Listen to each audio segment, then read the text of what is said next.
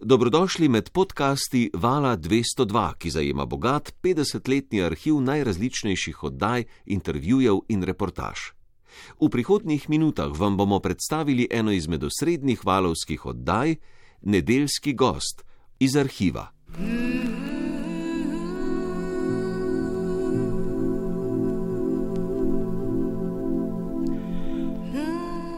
Grad je bil v zgodovini vedno provokacija, pravi Peter Greenaway, britanski ekstravagantni umetnik, ki ga vsi poznajo kot filmskega režiserja.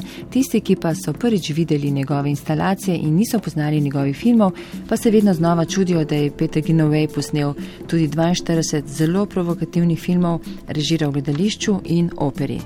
Kot že veste, je gospod Greenaway pet dni na Ljubljanskem gradu skupaj z arhitekti in študenti Akademije iz Ljubljane ustvarjal prvega od zemljevidov v okviru svojega avtorskega projekta Deset zemljevidov v raj.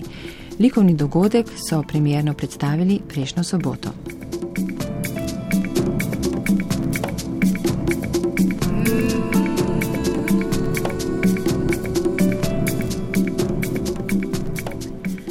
Gospod Greenaway, pozdravljeni, lepo vas je spet videti. Zdaj ste že nekaj dni tukaj na Ljubljanskem gradu. Ste o njem kaj vedeli že prej?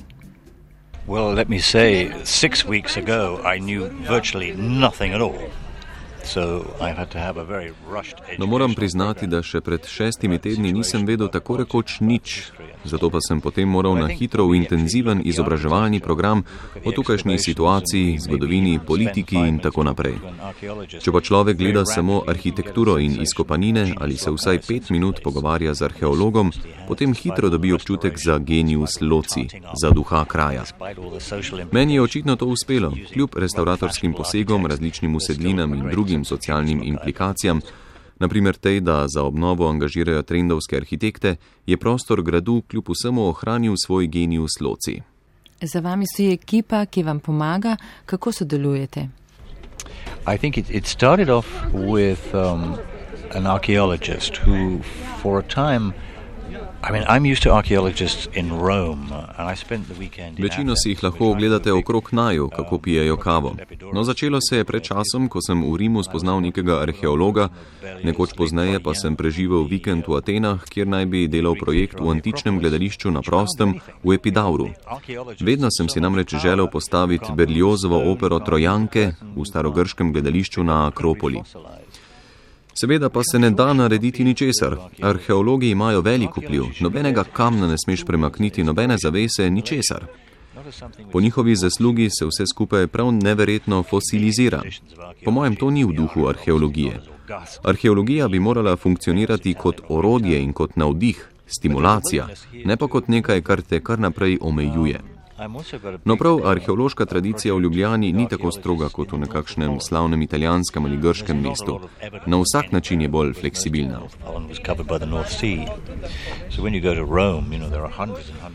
Z arheologi sem nekoč že sodeloval pri obsežnem projektu na severu Nizozemske. Tam recimo nimajo veliko materialnih virov, ker je večji del tega ozemlja nekoč prekrivalo Severno morje. Če greš v Rim, pa vidiš na stotine predmetov, ki so tako rekoč reciklirani. Ljudje si dobesedno ne upajo okopavati vrtov, ker vejo, da če bi našli karkoli, ti vrtovi nikoli več ne bi bili njihovi. Sodelujem pa tudi z zanimivim kaligrafikom Gabrudijem Nuisvanderjem iz belgijskega Briža. Briž je na podoben način mesto muzej kot Benetke. Nekega jutra je praskal z nohtom po steni svoje hiše, za katero je sicer vedel, da je stara, in pod ometom odkril stensko poslikavo. Nadaljne raziskave so pokazale, da gre za sliko iz obdobja pred Van Eykom. Seveda pa mu je kmalo postalo žal, da je kdajkoli začel praskati z nohtom po domet, ker od takrat naprej se v njegovi predsobi nenehno zbirajo cele črede radovednežev, ki si prihajajo ogledovati to zgodnjo stensko poslikavo iz obdobja pred Van Eykom. To je zanj kazen.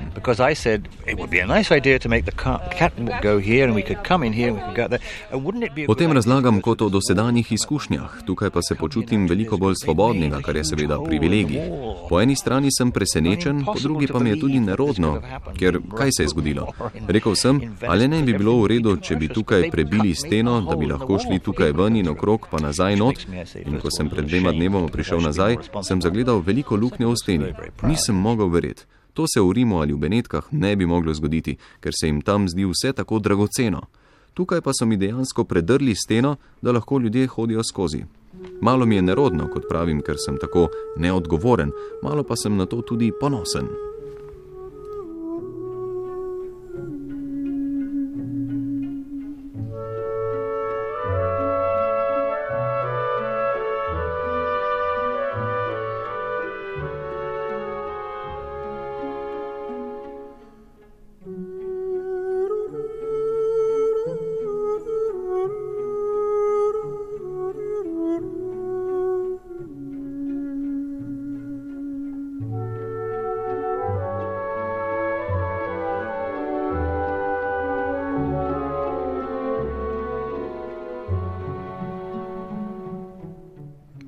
Gospod Greenaway, kako bi odgovorili na vprašanje, kaj je danes zgodovina? Well, I don't know whether we talked about it in Venice, but I'm about to embark on a huge new project called the Tulsa suitcase, and the main homily, the main adage of the whole project. Ne spomnim se, ali smo o tem govorili že v Benetkah, ampak lotevam se velikega novega projekta z naslovom Talsa Lupski kovček. Njegova poanta bo, ne obstaja ničesar, čemur bi lahko rekli zgodovina. Obstajajo samo zgodovinari. Zgodovina je zelo, zelo subjektivna in pogosto tudi fiktivna avantura. Zakaj ste za projekt izbrali ravno Ljubljano in še nekatere kraje z vzhoda? Ljubljana je ravno na meji med vzhodom in zahodom. Čemu skratka mesta z tega območja? Well, I think lots of different reasons. First of all, I'm very familiar, I think, with all the capital cities in Western Europe. I've either had um, Iz različnih razlogov. Prvi je, da večino zahodnoevropskih prestolnic že poznam. V njih sem bodi si snemal, ustvarjal umetniške intervencije, se srečeval s publiko, zlasti nekatera mesta, naprimer v Italiji, Franciji in na nizozemskem, torej zelo dobro poznam. Zato sem se od teh območij že iz radovednosti hotel nekoliko odmakniti.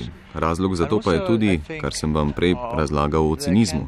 Ljudje so že zelo seznanjeni s tem, kar počnem, zato sem hotel poskusiti pri ljudeh, ki nimajo istega kulturnega ozadja.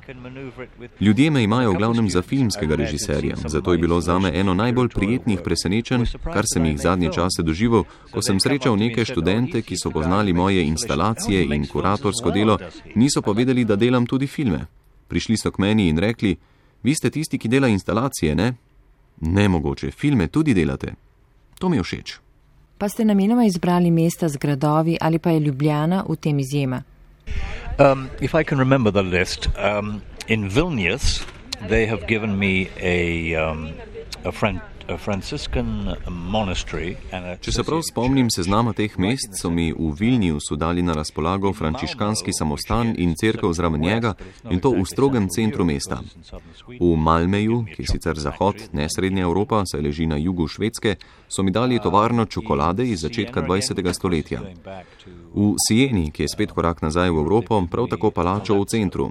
V Helsinkih staro poštno poslopje, zgrajeno okrog leta 1860 ali 70, v Sankt Petersburgu skladišče v Ermitažu, ki je zelo lepo, v Tromseju star kino, Tromsej je norveško mesto tik nad polarnim krogom, dogovarjamo pa se tudi za staro rimsko kopel v Atenah kar je za vas spet zahod, za nekoga, ki živi v Londonu ali Amsterdamu, pa seveda skrajni vzhod Evrope oziroma Mediterana. To so torej ta mesta. Obstaja pa možnost, da bom delal projekt tudi v Tel Avivu, ki je še bolj južno in ne nazadnje tudi v Kajru. Večina teh krajev je z mojega geografskega stališča seveda vzhodna Evropa. Um, in Tel Aviv, so again, much, much further south, different background and so on. And I hope also to do something in Cairo. We've now begun to talk about that. So most of these venues, not all of them, but most of them are very much to do from my particular geographical standpoint as being Eastern Europe. Jaz ne maram gradov, pa vi? That's a strange statement to make. I mean, how, how do you mean you don't like Hmm, ne vem, čudna izjava. Potem bi lahko tudi rekli, da ne marate katedral, živalskih vrtov, knjižnic. Ni to malo nenavadna izjava? Hočem povedati, da so gradovi neki čudni prostori, kjer se ne dogaja nič srečnega. Well, think about it on the other point of view. It's about defense. In times of danger, people retreated to the castle. Poglejte na to z drugega stališča. V nevarnih časih so gradili gradove zato, da so se ljudje lahko zatekli na varno. V takem gradu, kakršen je Ljubljanski, je lahko našlo zatočišče kakih 2000 ljudi. Otrok, žensk, živali, psov, pujsov. Grad bo vedno tarča napada. Bistvo gradu je, da je tarča, ki je kot tak tudi zgrajen. Grad je provokacija. Toda večina evropskih gradov je bila večino časa namenjena obrambi, ne pa napadanju. Res je, da so bili to tudi zapori, temnice, smrt, mučenje, neumna birokracija. Vse to je bilo tukaj, pa inkvizicija, katoliška inkvizicija, ki je delovala iz angelskega gradu v Rimu.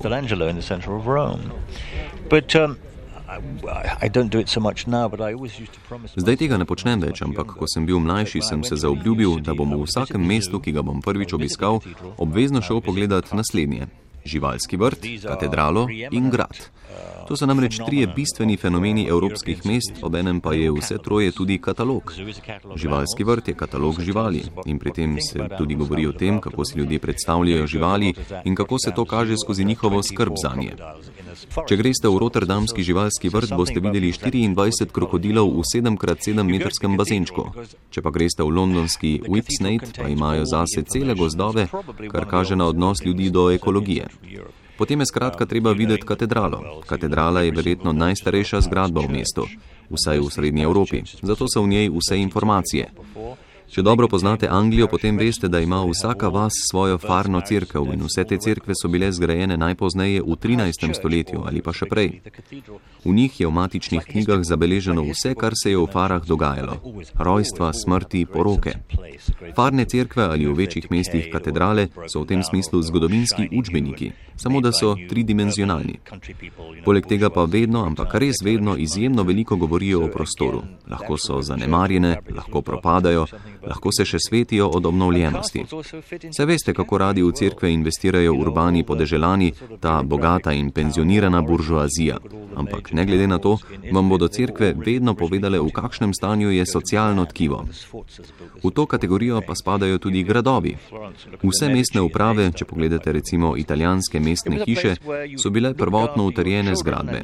Takšna je recimo v Milanu palača Sforca, ki je izjemna zgradba, ali palača Medičejcev v Firencah, ki so ravno tako gradili gradove.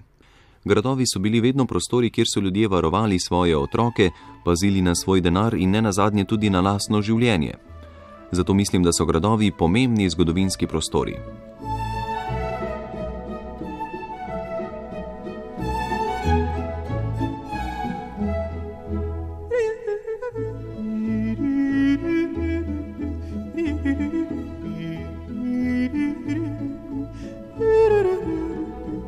Poslušate podcast Vala 202, nedeljski gost iz arhiva.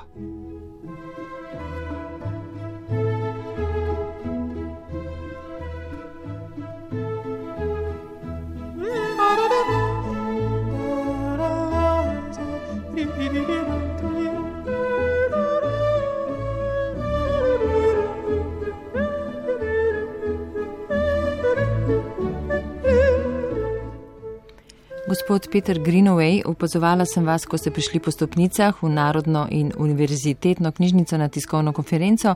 Zdelo se mi je, da ste malo presenečeni. Absolutely amazing. It reminded me, first of all, of um, Michelangelo's Lorenziana Library in um, Saj sem res bil. Ta prostor je neverjeten, absolutno neverjeten. Spominja me na Michelangelovo biblioteko Laurenciano v Firencah, ki jo je zgradil za medičejce. Ta stavba je bila mejnik v razvoju arhitekture, ker je stopnišče knjižnice pomenilo konec baroka in začetek manierizma. Tudi v tem primeru tukaj gre za neverjetno težko in mogočno arhitekturo, ki s tem zadovoljuje ta stari kliše, da se je treba povzpeti po težkem, mogočnem, razkošnem stopnišču, preden se približa približaš spoznanju, saj veste, vrnitev v rajski vrt. Od drevesa spoznanja dobrega in hudega nikar ne je. Zakaj brž, ko bi jedel od njega, boš moral masno plačati. Seveda pa to govori tudi o privilegiranosti. Vse največje knjižnice zgrajene v 19. stoletju imajo taka mogočna stopnišča, po katerih se moraš povzpeti. To je zelo zastrašujoče. Če si neuk kmet in imaš manj vrednostni kompleks in trepetaš pred zakoni, pa še tem bolj. To me malo moti, po svoje pa je to tudi nekoliko vulgarno, vsta črni marmor, ki ti poskuša nekaj dopovedati z besednjakom klišeja. Kakorkoli, čitalnica je izjemno slabo osvetljena in lepo vas prosim, da mi pomagate najti nekoga, ki bi mi dovolil, da to popravim. Kljub temu pa se mi zgradba v celoti zdi zelo zabavna. Torej ste v plečniku vedeli nekaj že prej? Yes, yes. Seveda, vem, da je mesto novo interpretiral s kolonadami in palisadami in balkoni in koritom reke, ki teče skozi mesto in s temi čudnimi obeliski, ki jih je postavljal po vsem mestu. Slišal pa sem tudi nekaj, kar me je v zvezi z njim razžalostilo in sicer, da je bil neverjeten deloholik, ki je v življenju očitno samo delal. Kakšen je bil kot človek? Je bil kompleksna osebnost ali pa se je kar naprej sklanjal nad svoje knjige? Čeprav razumem, je imel tudi težave z ženskami, ne? Tako kot v Nuku sem vas slišala predavati že v Kanu, Benetkah in Londonu in vedno se mi je zdelo, da je vaš nastop v bistvu šov. V Nuku ste naprimer navedli napačen datum, da bi videli, ali vas ljudje sploh poslušajo. Zakaj to počnete?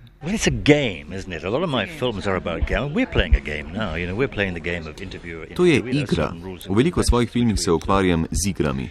Tudi midva igrava igro vprašanj in odgovorov, v kateri pa se seveda drživa določenih pravil in konvencij. Po mojem je igra samo metafora za funkcioniranje civilizacije. Ljudje se organiziramo tako, da vzdržujemo družbene kontakte in med seboj komuniciramo. Poleg tega pa dajem strašansko veliko intervjujev in pri tem se moram zabavati tudi sam sebe, ne samo vas. Govorim pa zelo rad, kot ste že opazili. Imel pa sem tudi genialne učitelje, naprimer Johna Cagea.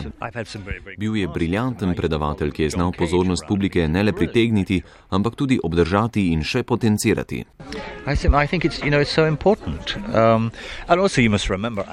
Res, to je po mojem zelo pomembno. Pri tem pa ne smete pozabiti, da sem tudi anglež in angleži imamo bogato tradicijo prosvetiteljske retorike.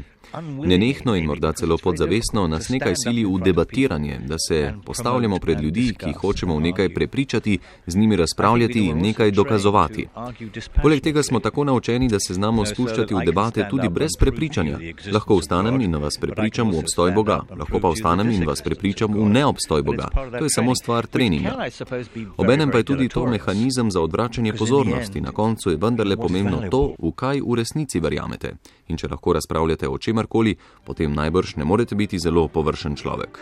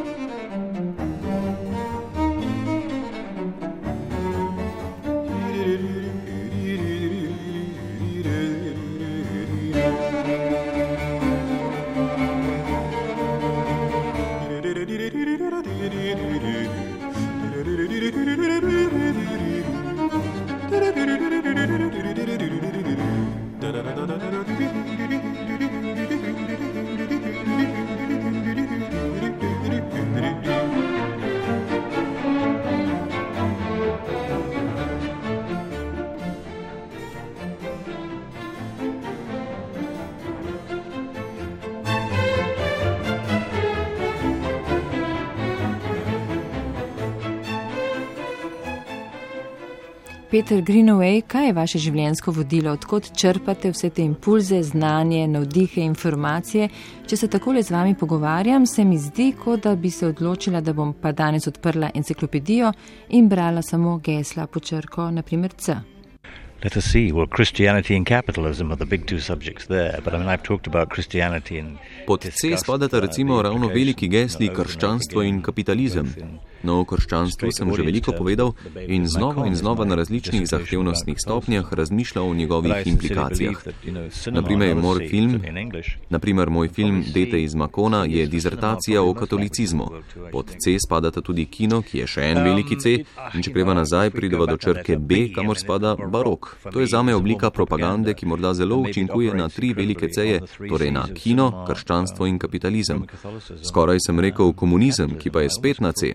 Ni to neverjetno, ti veliki ceji, da se vse velike svetovne ideologije začnejo prav na C.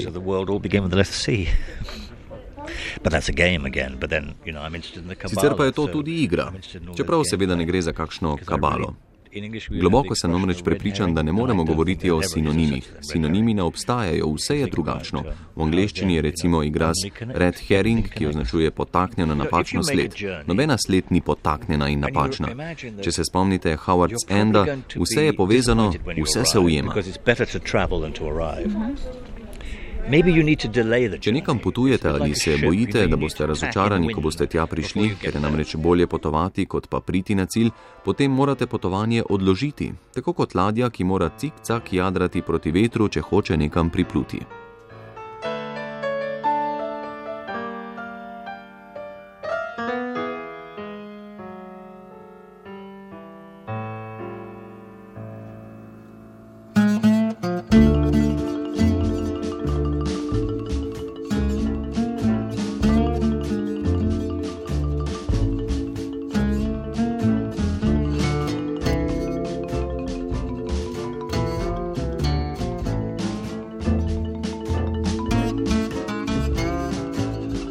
Poslušate podcast Vala 202, nedeljski gost iz arhiva.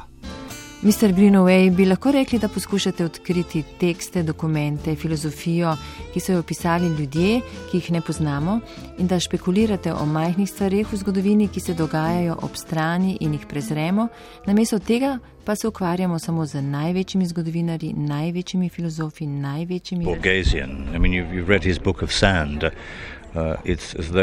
to je zelo borhesovsko rečeno. Saj ste brali njegovo knjigo Peska, v kateri opisuje najdbo štirih strani neke enciklopedije, ki je obsegala 7000 strani. Najbolj genialno pri njem pa je to, da vam na podlagi teh štirih strani lahko razloži, kaj je pisalo na vseh sedmih tisočih strani. Nekoč sem trdil in veliko ljudi mi je verjelo, da je Monteverdi napisal opero Enejeva svadba. Seveda je sploh ni. Sicer se ne spoznam na glasbo, kljub temu pa sem si izmislil libreto in razlagal, kako gre glasba. Zadevo sem prignal tako daleč, da so strokovnjaki začeli predavati o izgubljeni Monteverdijevi partituri z naslovom Enejeva svadba, ki pa je v resnici nikoli ni bilo, kar je bilo zelo zabavno.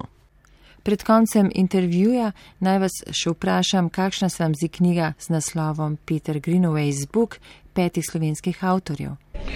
Well, I, I was pleased that um, people should pay so much attention to what I do.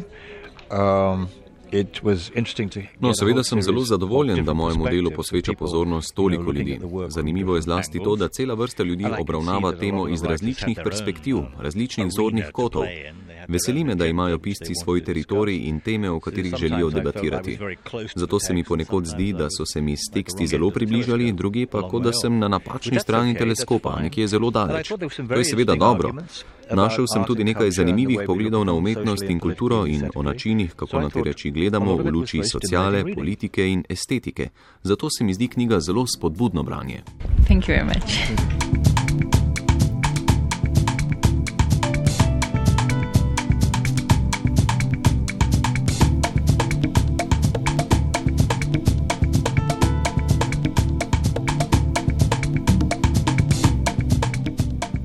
Nedeljski gost je bil britanski umetnik Peter Greenaway, bral je Boštjan Romih, realizacija Vojko Frelih, s Petrom Greenawayem sem se srečala Nina Zagoričnik.